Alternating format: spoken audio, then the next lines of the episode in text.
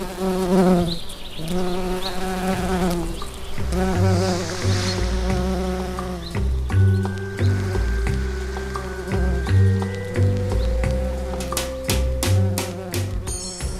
tror att alla människor har haft musik som liksom speciellt hör ihop med deras liv. Ibland är det ju ganska högtidlig musik, ibland synnerligen lättsam, men alltid någon form av musik i alla fall. I mitt sommarprat har jag tänkt ta lyssnarna genom olika perioder av mitt liv. Allt från barndomen till min värld av idag. Det har varit en mycket lång bana av år och där har rymts väldigt mycket. Och vem är jag då? Vem är jag? Sommarprataren. Idag det är Elisabeth Rehn som hade min barndom i Mäntsälä tillsammans med mina systrar Ulla och Gunnel. Jag är född där. Jag är uppvuxen i en kommunalläkarfamilj. Och jag måste nog säga att alltså jag är född 35 och var fyra år när vinterkriget bröt ut. Och jag måste nog säga att eh, krigsåren präglar nog väldigt mycket vår barndom. Och konstigt skulle det ju vara också annars. Pappa var inkallad förstås som läkare. Mamma hörde till allt man skulle höra till. Till Lottas värld framför allt. Och vi barn var alla flicklottor. Jag måste faktiskt medge att jag var så attraherad av det här flicklottebestyret så att jag bara väntade på att bli åtta år eh, så att jag skulle officiellt kunna bli en flicklotta och fick min uniform som jag sen tyvärr miste ett år senare. Det vill säga, mamma satte nog undan den men använda skulle de ju inte mera fås. Varifrån kom då släkten? Farfar var glasblåsare på Skinnavik glasbruk på Kimito. Släkten hade kommit över, de var duktiga hantverkare. De hade kommit över från Sverige, från Värmland. Och alltid när det var högtidligt så minns jag att pappa krävde att vi skulle sjunga Ack Värmeland du sköna.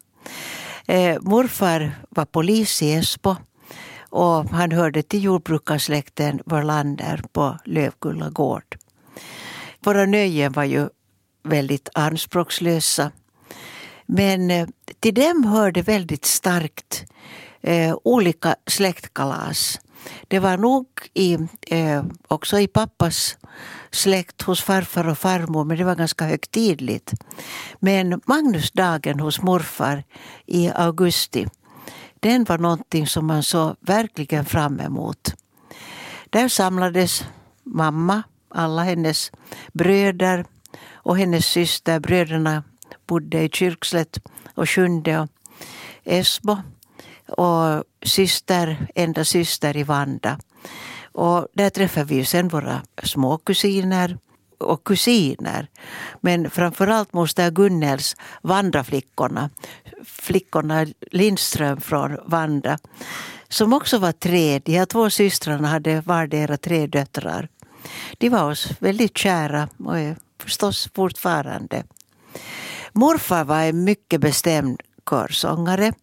Han hörde till sin höga ålder, ända tills han dog, till ungdomsrörelsen. Han var väl 86 när han dog. Så det sjöngs på de här tillställningarna hemma hos honom. I det lilla huset som man inte riktigt kunde förstå att alla gäster kunde rymmas i. Men augusti var tydligen varmt och vackert. Man var ute på gården. Det som alltid sjöngs, det var slumrande toner, denna vackra, vackra sång. Men jag tycker nu i den här blomstrande sommar som vi är mitt i, så ska vi ta mammas älsklingssång som var helt eh, anspråkslöst Plocka vilja skogsviol. Och vi kommer att höra den framförd av manskören Manifestum. Jag valde den faktiskt därför att min svärson sjunger i kören. Våra nöjen hemma i Mäntsälä efter och redan under kriget, de var ju nog synnerligen anspråkslösa. Det var ju så svåra tider för Finland. Jag skulle säga att av våra bästa det är ju hemskt att säga nöjen, var ju faktiskt att följa med pappa på sjukbesök. Han var ensam läkare med 10 000 människor. Så var det ju förr. Och efter en lång mottagningstid hemma i kommunalläkarbostadens mottagning så åkte han också på hembesök. Då fick vi följa med med bil som han åkte med och eh, ha kanske en chans att få simma i alla de många sjöarna som fanns i sidobyarna. Vi hade en lerig å i Mäntsälä så nu lärde man sig att simma där men det var nog lite si och så. Och sen fick vi också delta i för att vaccineringarna sköttes, massvaccineringarna på folkskolor omkring. Och då åkte pappa iväg och då nog med en sjukskötare med sig. Men sen behövdes det en så kallad kirjuri som skrev upp mammornas namn och barnens namn. Och pappa skrattade sig fördärvad när jag kom med, med min bokföring till honom. Och då hade jag faktiskt skrivit upp för ett barn att han hette Tehvanus. Och då hade föräldrarna högtidligt döpt det här barnet till Stefanus. Men hur i världens där skulle jag kunna förstå det? Förstås hade vi ju många andra glädjeämnen. Vi fick åka till våra kusiner i Sibba på Kajhäll på pappas sida och också till Hangö där faster var stadens barnmorska. Och jag minns att som fyraåring, eller minns mig, jag har berättat så många gånger, så smet jag där i Hangö, ut på gatan, ut på äventyr. Men, men då när jag inte var på äventyr så hade vi med syster Gunnel sen en absolut bestämd lördags nöjesstund. Och det var lauantai toivotut levyt. Allt var ju finska för oss. Och där blev vi fullfjädrade kännare av all musik. Den verkligt klassiska, fina. Sen i mitten kom det alltid så lite lättare musik. Och så kom den här Rillo Marein sen i slutet.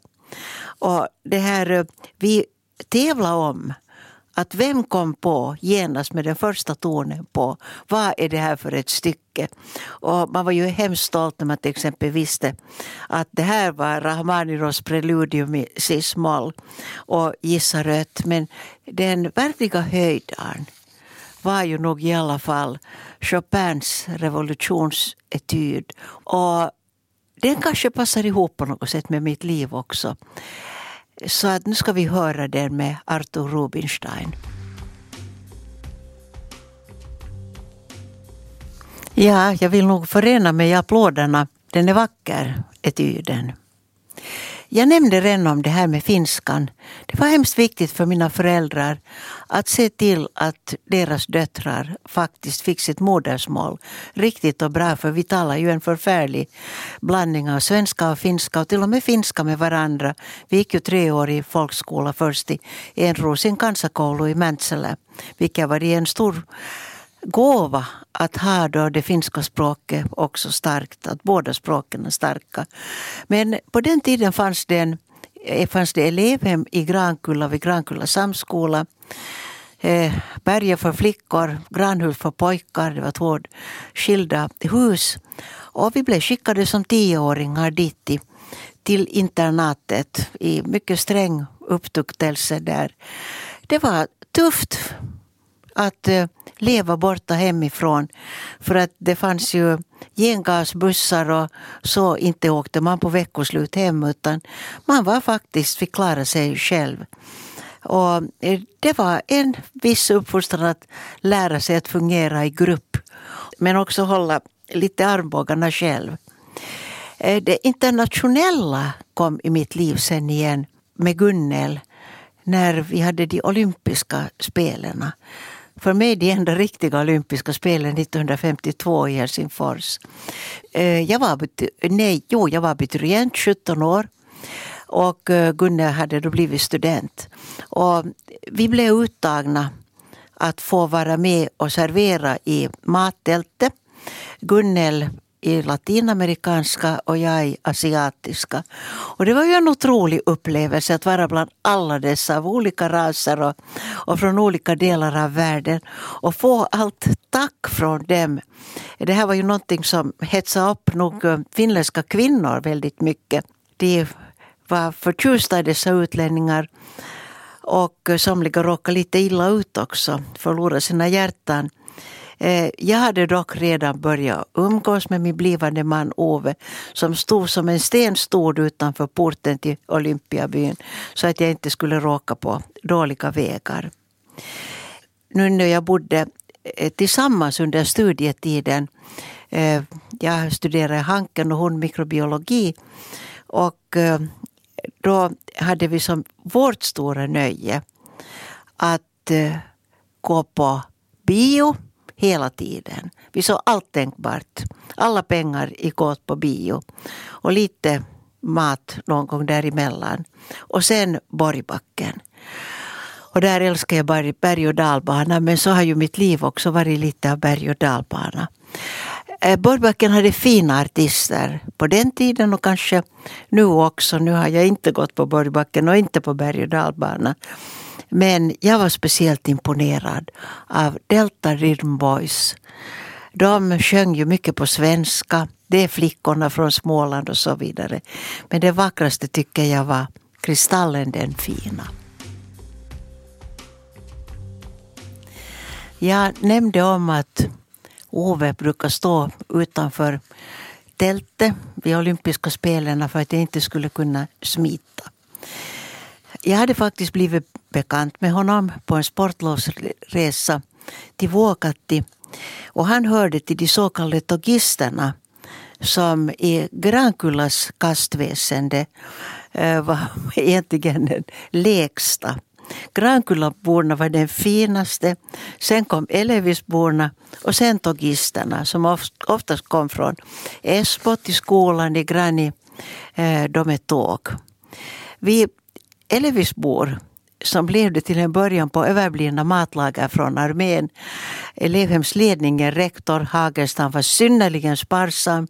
Strunt i maskar och annat i bröd och ärtsoppa. Så vi kastade ju oss alltid över de här togisterna. För de hade nå, någon slags möjligheter att få gott bröd, hembakat bröd och kanske lite palvad skinka också emellan. Så att det här, får jag bita i din smörgås, får jag bita i din smörgås. Det var någonting som man alltid sysslade med. Stackars togister. Då faktiskt den där Porkala-flyktingen Ove hörde till dem. Och han var då en av de olyckliga som var tvungna att lämna sina hem i september 1944, i år för 70 år sedan på grund av det så kallade hyreskontrakt som gjordes vid fredsförhandlingarna med Sovjetunionen. Vilket betydde att stora delar av Ingo, Sjunde och Kyrkslätt arrenderades till Sovjet på 50 år. Och det blev ju faktiskt en marinbas ganska häpnadsväckande att tänka på idag att några tiotal kilometer från landets huvudstad fanns en fullständigt utrustad främmande makts marinbas. Allt man måste gå med på. Oves familj hade nog drabbats väldigt hårt av kriget. Hans halvbror och hans eh, svåger stupade inom alldeles någon månad. Och sen måste de lämna hemmet det var nog någonting som Oves mamma aldrig kunde hämta sig från. Eh, de hittade ju ett hem åt sig i Esbo men att det är klart jordbruk och boskap fanns ju inte sen mera. Det blev ett nytt slags liv. Jag måste faktiskt tacka Oves sorgliga barndomshistoria för att jag själv kan förhålla mig och förstå så bra de flyktingar, de människor som jag måste möta, har blivit tvungen att möta och vela möta omkring i mina uppgifter i världen.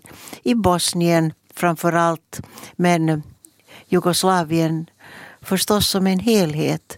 Men också alla Afrikas länder som rivs nu fortfarande sönder av inbördeskrig som driver hundratusentals människor på flykt. Vi i Väntsala hade våra Porkala-kusiner hos oss en tid tills föräldrarna hittade ett hem. Och eh, sen kom det väldigt mycket karelska flyktingar evakuerade från Karelen till oss. Egentligen måste man säga ett stort plus och tack åt Finland att vi tog hand om de som måste lämna områdena.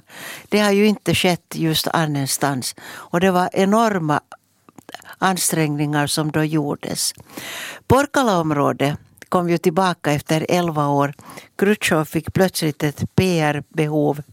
Först gav han Krim åt Ukraina som har varit mycket aktuellt senaste vår. Och eh, sedan då Porkala eh, i slutet på år 55 så att vi fick komma tillbaka 56. Av Oves hem var det ingenting kvar. Bara, bara stenfoten och ingenting mera. Ove och jag fann varandra. Vårt bröllop firades lite i hast. Första oktober 1955. Vårt första barn var redan på kommande. Det var lite genant där i kommunalläkarhemmet eh, och i Mäntsälä. Men mamma har alltid haft näsan upp i, i vädret. Vi firade bröllopet hemma hos oss. Och först spelade eh, prostens dotter Kolas bröllopsmarsch vi hade nog ett litet ostämt piano, men i alla fall. Och sen sjöng prostinnan ackompanjerad av sin dotter. Den verkligt vackra Minä laulan sun iltasi tähtihin av Linna Vuori Koskenniemi. Den sången sjöngs också av operasångaren, min vän Johanna Tuomi på Oves jordfästning. Nu fick jag nog tårar i ögonen det är många minnen med det här. Både eh, det glada och, och det vemodiga. Det är Elisabeth Rehn, sommarprataren. Eh, livet förändrades ju helt och hållet för oss. Vi var fattiga studerande och vår familj blev bara större och större. Inom sju år föddes våra fyra barn. Det var väl till och med knappt eh, sju år. Så jag var, jag var 27 när den fjärde föddes. Det är lite annorlunda idag. Man väntar och väntar och väntar. Vårt första hem var en liten tvåa i Södra Haga på Köpingsgränden. Och sen när jag redan började vänta nummer tre där så blev det lite trångt och vi flyttade över gården till en lite större bostad. Också där på Köpingsgränden. Eh, och sen blev det faktiskt ett flytt till Grankulla igen.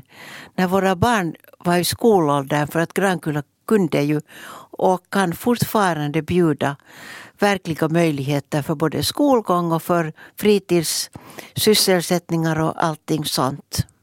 Nu har jag sen 1979, då flyttade vi till Kyrkslätt där jag har bott sedan dess och hoppas för gott men det vet man ju aldrig. Vi var hemskt många unga glada familjer som delvis via Hanken, delvis till och med från Grankulla-tiden som höll väldigt mycket ihop. Och vi hade som sagt alla lite knapert med pengar, vi arbetade hårt men vi hade också tid att ha roligt. Nu för tiden är de så förfärligt målmedvetna i allting. Jag hoppas att de fortfarande också har tid att njuta av livet och inte bara målmedvetet titta på karriärer och annat. För um, det var, det var en bra tid. Jag hann visserligen på Hanken till och med vara kårvärdinna ett år. Minns att jag hade en väldigt icke-dansant kårvärd då. Så att när vi skulle inleda polonesen så fick jag hela tiden skrika åt honom vänster, höger. Kanske det var någon slags början på, på försvarsministerskap och, och gud vet vad. Eh, det var kanske då under 50-talet man äntligen hade sluppit den där bördan av kriget. Man kunde också se framåt. Vi hade inte tid för något eh, starkt samhällsengagemang, politiska rörelser, utan vi vi försökte bygga upp vår ekonomi, vår familj och tillsammans med våra vänner. Eh, det var ju många som då, och sen framförallt på 60-talet och 70-talet, tog det här starka samhällsengagemanget. Men vi, eh, vi skötte barn. Jag hade faktiskt hjälp av någonting som inte finns mera. Befolkningsförbundet Väestölito hade hemsysterpraktikanter, alltså hemsysterskolningen. Där ingick också ett och ett halvt år av praktik i en familj med, med minst tre barn och vi hade ju fyra. Så att eh, det gick mycket bra. Så jag hade tre stycken av dem och rad. Och det var ju lite fånigt för att jag skulle då lära dem laga blodpalt och, och gud vet vad. Jag fick ringa hem till mamma emellan och fråga hur gör man blodpalt för nu ska jag lära åt, åt de här. Men det gick väldigt fint. De var ju unga flickor. Som, somliga av dem var visserligen äldre än jag. Så att eh, det här med eh, med eh, auktoritet var ibland lite svårt. Men allting gick väldigt fint för oss. Jag hann också med att ha en egen liten företagsbransch. Genom Ove blev jag tillfrågad att börja importera tupperware, tupperware som man säger i Finland. Och ett år importerade jag tupperware och demonstrerade och gjorde allting, packa och höll på. Och det var stort, det var fint. I vårt glada liv så hade vi mycket, mycket så här sentimentala, den tidens sånger och musik. Det var Ella Fitzgerald, det var Frank Sinatra, Nat King Cole, Louis Armstrong. My way, only you. Smoke gets in your eyes och så vidare. Men de slogs nog allesamman av, vår, av grannens flicka, delålänningen Lill Lindfors. Och framförallt hennes underbara Du är den enda. I vår familj så hade barnen vuxit upp. Vårt liv hade haft många eh, upp och nedgångar. Och det var dags att ge ett uttryck åt det där samhällsengagemanget som jag redan hade fått så starkt hemifrån. Pappa jobbar så väldigt för, för kommunens alla invånare och mamma var en otrolig matriark för hela släkten. Och ända till sin död som 90-åring så höll hon ihop oss allesamman. Det var liksom mormor Rut som var den som egentligen fick eh, mig att bli lite svartsjuk när jag fick egna barnbarn. Så det var ju till den, mormor Rut, den riktiga mormor Rut, man gick och pratade med och, och hon älskade alla de här barnbarnen och gav så mycket visdom åt dem. Vi hade ju varit allesammans Eh, både mina systrar och jag väldigt samhällsengagerade som barn. Att tidningsläsande, vi rev ifrån varandra den där Uusisuomi. Jag tror att vi fick Västra Nyland också, för mamma, den där Esbobon, så det fanns kvar där. Så eh, det var väldigt viktigt att vi skulle få läsa som första och få nyheterna. Så det var ganska naturligt att jag sen hamnade i politiken inte så mycket egentligen partipolitiken, vilket väl är välkänt, utan det här förtroendevaldas möjligheter att påverka det som händer i samhället, kunna förbättra någonting. Men att eh, Svenska folkpartiet var ju nog för mig ett fullkomligt klart val. Men det kanske framförallt med tanke på vilka uppoffringar mamma och pappa hade inte minst ekonomiskt gjort för att få sina döttrar svenskspråkiga. Vi fick ju alltid höra av mamma att tala flickor svenska och det hade vi då lärt oss att, att också göra. Det var förstås för mig lite svårare genom att jag inte hade vuxit upp så där partipolitiskt genom svensk ungdom och så som så många hade gjort så att jag kunde väl inte riktigt bete mig. Eh, vilket jag ofta fick känna av och är verkligt sorgsen för om jag trampade någon på fötterna för att jag inte kunde bete mig partipolitiskt. Men nu tror jag att jag i alla fall kunde klara mig sen ganska bra både i det kommunala och i, och i riksdagen och sen som minister. Kulmen på mitt politiska liv var ju förstås presidentvalet 1994 då jag sen lyckades ta mig till andra omgången och förlorade med 46,1 procent till Ahtisaari. Och då hade jag hunnit sitta i riksdagen i 16 år och jag hade varit både försvars och jämställdhetsminister som man alltid glömmer bort att säga och som jag uppskattar mycket. Fem år var jag i allt där. Och hade nog gett ganska mycket åt mitt kära fosterland. Så att eh, jag kanske hade tid på mig att nu börja titta också framåt. Framförallt vid presidentvalet och egentligen långt innan det så hade jag alltid beundrat Chaplin. Och framförallt hans smile. jag har ju alltid blivit hånad för mitt leende. Eh, påklistrat leende. Och det kan ju verka på det sättet. Men jag vill nog faktiskt säga att, att det är nog mitt sätt att se på saker som innebär också att man har ett leende. Och jag tycker Chaplins ord i Smile berättar ganska mycket om vad det här leendet egentligen går ut på. Så framför Nat King Cole och Chaplin. Allt går bra om man ännu orkar le. Och det tog sig nog ganska hårt. Eh, i, inte i bruk, utan det behövdes. När efter den politiska karriären det som kanske har varit allra viktigast för mig började. Och då var jag ju redan en mycket vuxen person. Det var när jag kom in i det internationella. När jag fick se människors verkliga nöd. Och där jag togs emot på ett sätt som var verkligt välkomnande. Genom en förfrågan av Tysklands utrikesminister Klaus Kinkel så kom jag att hamna som människorättsrapportör på området för det forna Jugoslavien, på Balkan. Och jag kände faktiskt väldigt lite till området före det. Jag hörde inte till de här finska turisterna som hade besökt framförallt Adriatiska kusten och varit mycket i det forna Jugoslavien.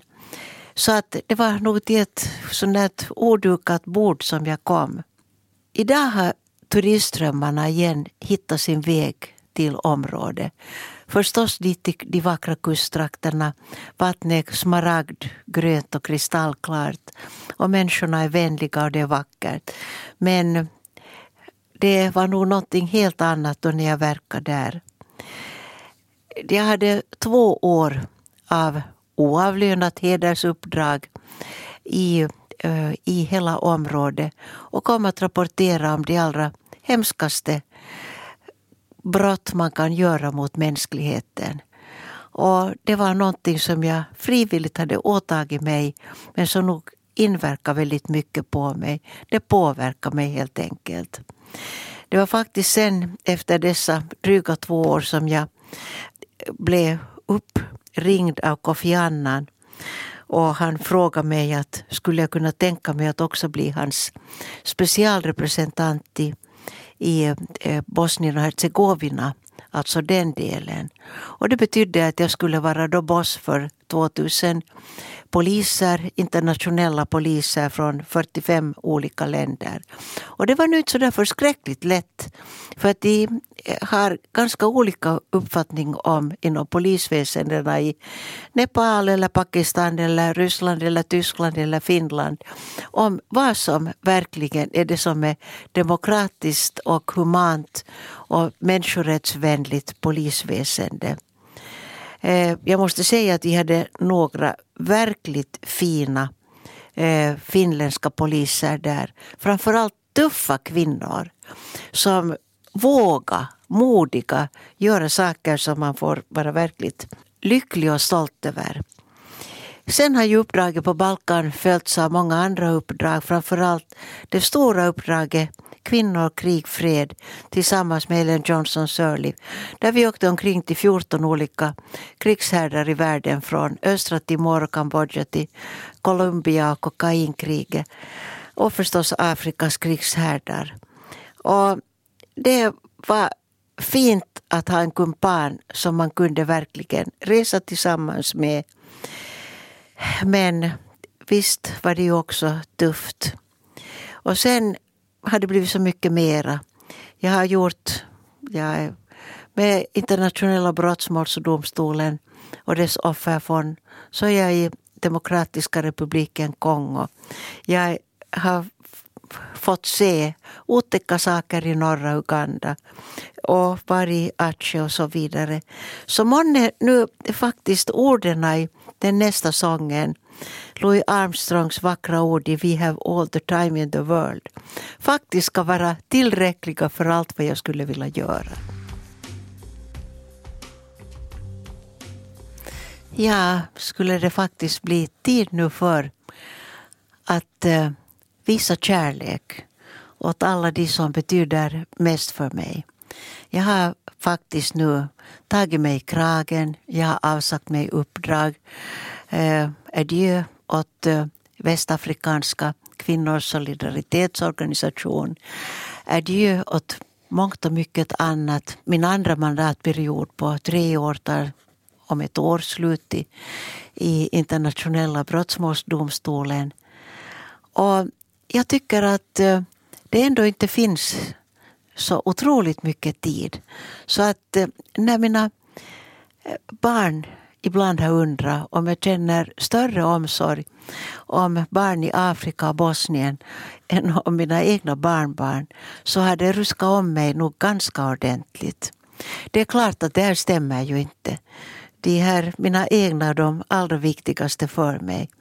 Men nu är det ju på det sättet att under en så lång period av, av riksdag och regering och utlandskommenderingar och sånt så känns det nu att nu är det nog dags att göra någonting av det här. Och egentligen mest blivit skakad av hur galet jag har ordnat mitt liv när mina, av mina bästa vänner har avlidit. Det är ju sånt som tyvärr man får läsa dödsannonser mest för att hitta sina bekanta i den här åldern. Och jag har inte kunnat vara med på jordfästningen på grund av att jag sitter ordförande i Genève eller New York eller någonstans. Då har det knäppt till i mig att nu är det dags att finnas hemma, att finnas till. Så kanske det är just det här som jag nu ska gå inför. Eh, att vara närvarande, ta det lugnt. Vilket jag hoppas att vi alla ska göra under den här vackra sommaren. Alla människor ska kunna tänka på sina närmaste. Och om vi inte har så många nära så ska vi ge av vår kärlek åt sådana som inte har sådana som kommer och, och tittar till dem och pratar med dem i telefon. Vilket jag har som en ring med mina systrar varje morgon. Kolla om vi ännu är vid liv. Så att låt oss lugna ner oss. Låt oss eh, önska varandra allt gott. Det är Elisabeth Rehn som har varit er sommarpratare och önskar er en god sommar till tonerna instrumentalt av Evert Taubes undersköna Nocturne.